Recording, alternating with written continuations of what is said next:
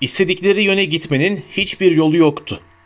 Ejderha nereye gittiğini göremiyordu ve sert bir dönüş yaparsa ya da yan yatarsa onun geniş sırtına tutunmanın imkansız olacağını biliyordu Harry. Yine de gitgide yükselirken atlarında Londra yeşil ve gri bir harita gibi açıldıkça açılırken Harry'nin içini kaplayan duygu imkansız görünen bir kaçışı başarmış olmanın getirdiği minnet duygusuydu. Eğilip canavarın boynuna iyice yapışarak metalik pullara sıkı sıkı tutundu. Ejderhanın kanatları havayı bir yel değirmeni gibi döverken serin rüzgar yanmış ve su toplamış derisinin acısını yatıştırıyordu. Zevkten midir korkudan mı bilmiyordu ama arkasına Ron avaz avaz küfür ediyordu. Hermione ise hıçkıra hıçkıra ağlıyormuş gibiydi. Beş dakika kadar sonra Harry'nin ejderhanın onları üzerine atacağı yönündeki o ilk korkusu geçmişti. Çünkü şimdi canavarın tek amacı yer altındaki hapishanesinden mümkün olduğunca uzağa gitmekmiş gibi görünüyordu. Öte yandan nerede ve nasıl inecekleri sorusu hala korkutuculuğunu koruyordu. Ejderhaların yere inmeden ne kadar mesafe uçabilecekleri ya da gözleri hemen hemen hiç görmeyen bu ejderhanın ayaklarını yere basacak iyi bir yeri nasıl bulacağı konusunda en ufak fikri yoktu. Sürekli etrafına bakıyor, yara izinin sızladığını hissedebiliyordu. Lestrange'lerin kasasına girdikleri haberinin Voldemort'un kulağına gitmesi ne kadar sürerdi acaba? Gringos cin cüceleri Bellatrix'e ne kadar sürede haber verirdi? Neyin alınmış olduğunun ne kadar çabuk farkına varırlardı? Peki ya sonra? Altın kupanın gitmiş olduğunu fark ettiklerinde. Voldemort sonunda onların hortkulukların peşinde olduğunu öğrenecekti. Ejderha daha serin, daha taze havaya açlık duyuyordu sanki. Giderek daha da fazla yükseldi. Öyle ki sonunda soğuk bulut kümelerinin arasında uçmaya başladılar. Artık Harry'nin gözü başkentten içeri ve dışarı akan küçük arabaların oluşturduğu minik renkli noktaları seçemiyordu bile. Uçtular da uçtular. Yeşil ve kahverengi lekelere bölünmüş kırların ve manzaranın içinden kıvrıla kıvrıla mat ve parlak şeritler gibi uzanan yollarla nehirlerin üzerinden geçtiler. Sizce ne arıyor? diye seslendi Ron. Giderek daha da kuzeye uçarlarken. Hiçbir fikrim yok diye bağırdı Harry. Soğuktan elleri uyuşmuştu ama tutuşunu değiştirmeye cesaret edemiyordu. Bir süredir atlarında sahilin belirdiğini görürlerse ejderha açık denize yönelirse ne yapacaklarını merak ediyordu. Üşümüştü ve her yanı uyuşmuştu. Ayrıca acıkmış ve susamıştı da tabii. Ejderha en son ne zaman bir şey yediğini merak etti. Herhalde onun da çok geçmeden karnını doyurması gerekecekti değil mi? Peki ya o anda sırtında gayet yenebilir 3 insan oturmakta olduğunu fark ederse? Güneş giderek çivit mavisine dönen gökyüzünde yavaş yavaş alçalıyordu. Ejderha hala uçuyor, altlarında şehirler ve kasabalar bir bir gözden kaybolurken muazzam gölgesi kocaman kara bir bulut gibi yerde kayıyordu. Ejderhanın sırtına tutunmak için harcadığı çabadan dolayı Harry'nin her yanı ağrıyordu. Hayal mi görüyorum diye bağırdı Ron uzun bir sessizliğin ardından. Yoksa alçalıyor muyuz?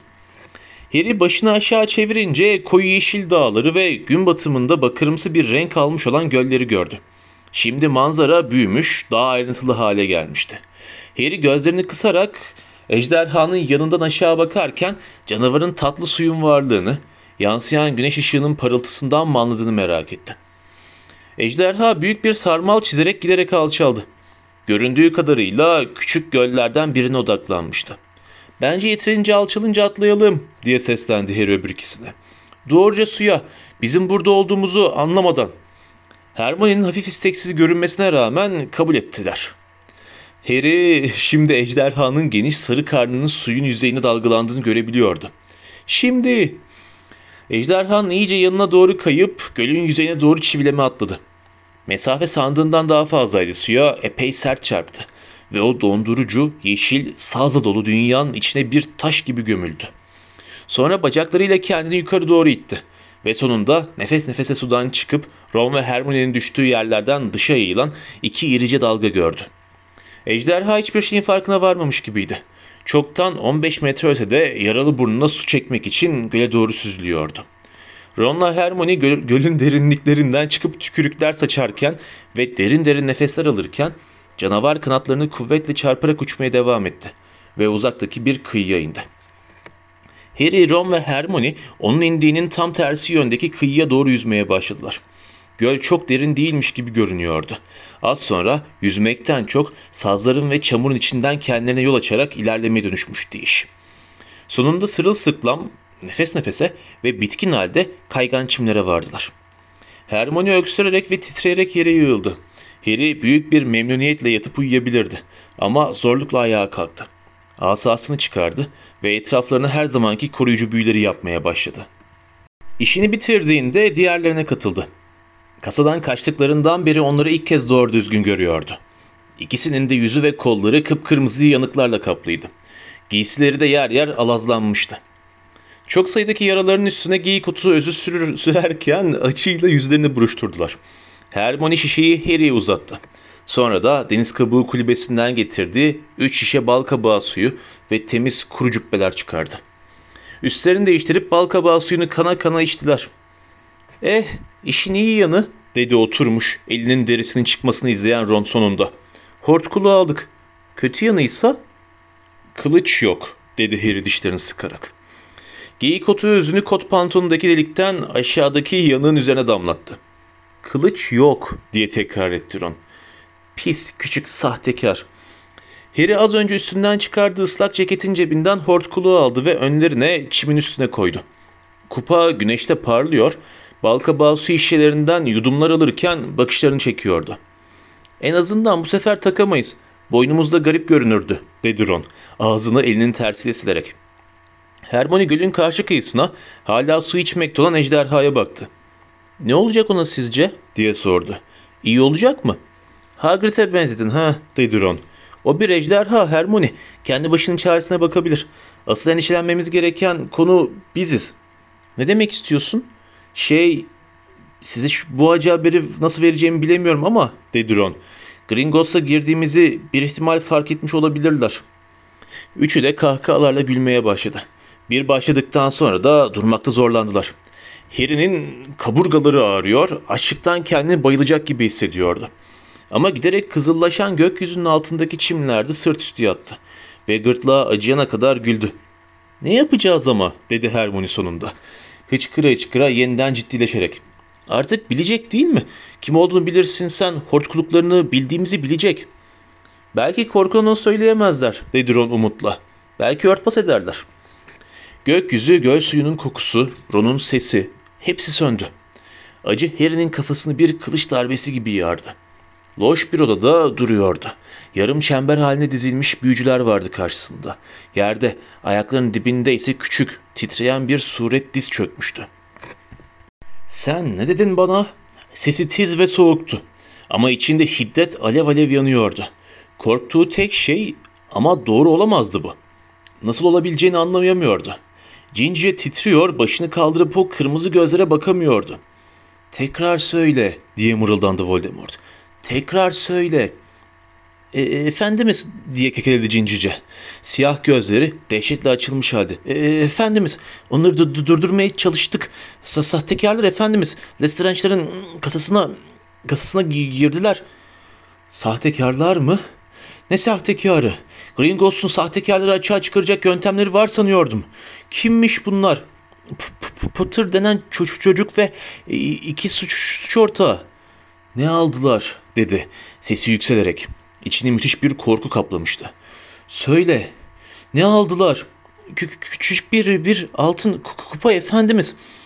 Öfke çığlığı, inkar çığlığı sanki başka birine aitmiş gibi çıktı ağzından. Delirmişti, çıldırmıştı. Doğru olamazdı bu, mümkün değildi. Kimse bilmemişti bunu hiçbir zaman. Çocuk onun sırrını nasıl keşfetmiş olabilirdi? Mürver asa havayı yardı ve odada yeşil bir ışık çaktı. Diz çöken cincice devrildi. Ölmüştü. İzlemekte olan büyücüler dehşet içinde önünde kaçışmaya başladılar. Bellatrix ve Lucius Malfoy kapıya varma yarışında diğerlerini geride bıraktılar. Asası tekrar tekrar çaktı ve geride kalanlar öldü. Hem de hepsi. Bu haberi onlara getirdikleri için. Kupanın haberini duydukları için. Ölülerin arasında yalnız başına hiddetle bir aşağı bir yukarı yürürken gözün önünden geçiyorlardı. Hazineleri, güvenceleri onu ölümsüzlüğe bağlayan çıpaları günce yok edilmiş. Kupa çalınmıştı. Ya biliyorsa, ya çocuk diğerlerini de biliyorsa. Biliyor olabilir miydi? Çoktan harekete geçmiş miydi? Başka da bulmuş muydu? Dumbledore mu vardı bu işin kaynağında? Her zaman ondan şüphelenmiş olan Dumbledore, onun emriyle ölmüş olan Dumbledore. Asası şimdi onun elinde bulunan ama ölüm denen kepazeliğin içinden dışarı çıkan çocuk vasıtasıyla uzanmış olan Dumbledore. Çocuk. Ama çocuk hortkuluklarından birini yok etmiş olsa da o Lord Dumbledore, Voldemort bunu bilirdi. Hissederdi elbette değil mi? O ki büyücülerin en büyüğüydü, en güçlüsüydü. Dumbledore'un ve daha birçok değersiz, isimsiz kişinin katiliydi. Eğer kendisi en önemli ve en kıymetli kişi saldırıya uğrasa, zedelense Lord Voldemort bilirdi bunu değil mi? Evet Günce'nin yok edildiğini hissetmemişti. Ama bunu o sırada hissedecek bir vücudu olmamasına, hayaletten daha aşağı bir şey olmasına bağlamıştı. Yo, diğerleri emniyetteydi şüphesiz. Diğer hortkuluklar zarar görmemişti. Ama bilmeliydi. Emin olmalıydı. Odada bir aşağı bir yukarı yürümeye başladı. Yanından geçerken cin cücenin cesedini tekmeleyerek kenara attı. Yürürken beyninde resimler bulanık bir şekilde yanıp sönmeye başladı. Göl, kulübe ve Hogwarts. Bir nebze sükunet öfkesini yatıştırmıştı şimdi. Çocuk yüzüğü Gantların kulübesine sakladığını nereden bilecekti ki? Kimse onun Gantların akrabası olduğunu bilmiyordu. Bu bağlantıyı saklamıştı. Ölümlerin onunla ilişkisi açığa çıkarılmamıştı hiç. Yüzük emniyetteydi şüphesiz. Peki çocuk ya da başka biri mağarayı nereden bilecek? Üzerine yerleştirilmiş korumaları nasıl aşacaktı ki? Madalyonun çalınması fikri tamamen saçmaydı. Okula gelince Hogwarts'ta hortkuluğu nereye koyduğunu yalnızca kendisi biliyordu. Çünkü o yerin en derindeki sırlarına yalnızca kendisi ulaşmıştı. Ve hala Nagini vardı tabii. Artık onun buyruklarını yerine getirmeye gönderilmemeli, yakınında onun koruması altında kalmalıydı. Ama emin olmak için, tamamen emin olmak için saklama yerlerinin her birine dönmeli, her bir hortkuluğunun üzerindeki korumayı iki katına çıkarmalıydı. Tıpkı mürver asa arayışı gibi tek başına yapması gereken bir işti bu. Önce hangisine gitmeliydi? En çok hangisi tehlikedeydi? İçinde eski bir tedirginlik kıpırdandı. Dumbledore onun tam adını biliyordu. Dumbledore Gantlarla arasında bağlantı kurmuş olabilirdi. Onların terk edilmiş evi belki de saklama yerlerin en az emniyetli olanıydı. İlk olarak oraya gidecekti. Göl imkansızdı şüphesiz. Ama Dumbledore'un yetimhane sebebiyle onun geçmişteki bazı kabahatlerini bilmesi ihtimali vardı. Çok az da olsa. Ve Hogwarts. Ama oradaki hortkuluğunun emniyette olduğunu biliyordu. Potter'ın okul şöyle dursun, Hogsmeade'e bile tespit edilmeden girmesine imkan yoktu. Yine de Snape çocuğun şatoya tekrar girmeye çalışacağı konusunda uyarmak ihtiyatlı bir davranış olurdu. Snape'e çocuğun niçin döneceğini söylemekse budalalık olurdu tabii.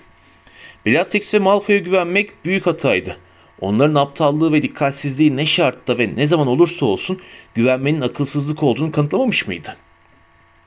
İlk olarak Gantların kulübesine gidecekti o halde. Nagini'yi de yanında götürecekti. Artık yılandan hiç ayrılmayacaktı. Ne hızla yürüyüp odadan çıktı. Salonu geçti. Ve çeşmeden suyun fışkırdığı karanlık bahçeye çıktı. Çatal diliyle çağırdığı yılan uzun bir gölge gibi sürünerek gelip ona katıldı. Harry kendi bedenine dönerken gözleri birden açıldı. Batan güneşin altında gölün kıyısında yatıyordu. Ve Ron'la Hermione tepesinden ona bakıyorlardı. Suratlarındaki endişeli ifadelerden ve yara izin hala zonklamasından anlaşıldığı kadarıyla Voldemort'un beynine yaptığı ani yolculuk dikkati çekmişti. Tir tir titreyerek ve hala sırılsıklam olmasına biraz şaşırarak güçlükle doğruldu. Önünde çimlerin üstünde masum masum duran kupayı ve güneşin son ışıklarıyla yer yer altın rengi almış mavi gölü gördü. Biliyor. Voldemort'un tiz çığlıklarının ardından kendi sesi kulağına tuhaf ve pes gelmişti. Biliyor. Şimdi gidip diğerlerini kontrol edecek. Sonuncusu da ayağa kalkmıştı bile. Hogwarts'ta. B- biliyordum. Biliyordum. Ne? Ron ağzı bir karış açık ona bakıyordu. Hermione ise doğrulmuş dizlerinin üstüne duruyordu. Endişeli bir hali vardı.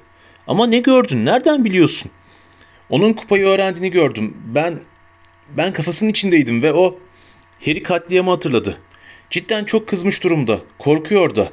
Nereden bildiğimizi anlamıyor ve şimdi gidip öbürlerini kontrol edecek. İlk önce yüzü. En çok Hogwarts'takinin güvende olduğunu düşünüyor. Çünkü Snape orada. Çünkü içeri görünmeden girmek çok zor. Sanırım en son Hogwarts'a bakacak ama yine de birkaç saat içinde orada olabilir. Hogwarts'a nerede olduğunu gördün mü? diye sordu Ron. Şimdi o da ayağa kalkmıştı. Hayır, Snape'i uyarmaya konsantre oluyordu. Tam olarak yerini geçirmedi aklından. Durun, durun diye haykırdı Hermione. Ron hortkuluğu kapıp Harry de görünmezlik pelerinin üstüne geçirirken. Öylece kalkıp gidemeyiz, planımız yok. Önce yapmamız gereken... Gitmemiz gerekiyor diye lafını kesti Harry kararlı bir şekilde. Uyurum diye ummuştu. Yine çadırın içine girmeyi iple çekmişti. Ama artık bütün bunlar imkansızdı. Yüzüğün ve madalyonun gitmiş olduğunu görünce ne yapacağını hayal edebiliyor musun? Ya Hogwarts'taki hortkuluğun yerini değiştirirse? Onun yeterince güvende olmadığına karar verirse? Ama içeri nasıl gireceğiz?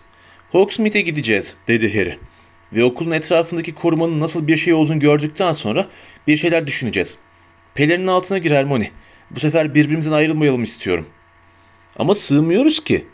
Karanlık olacak. Kimse ayaklarımızı fark etmez.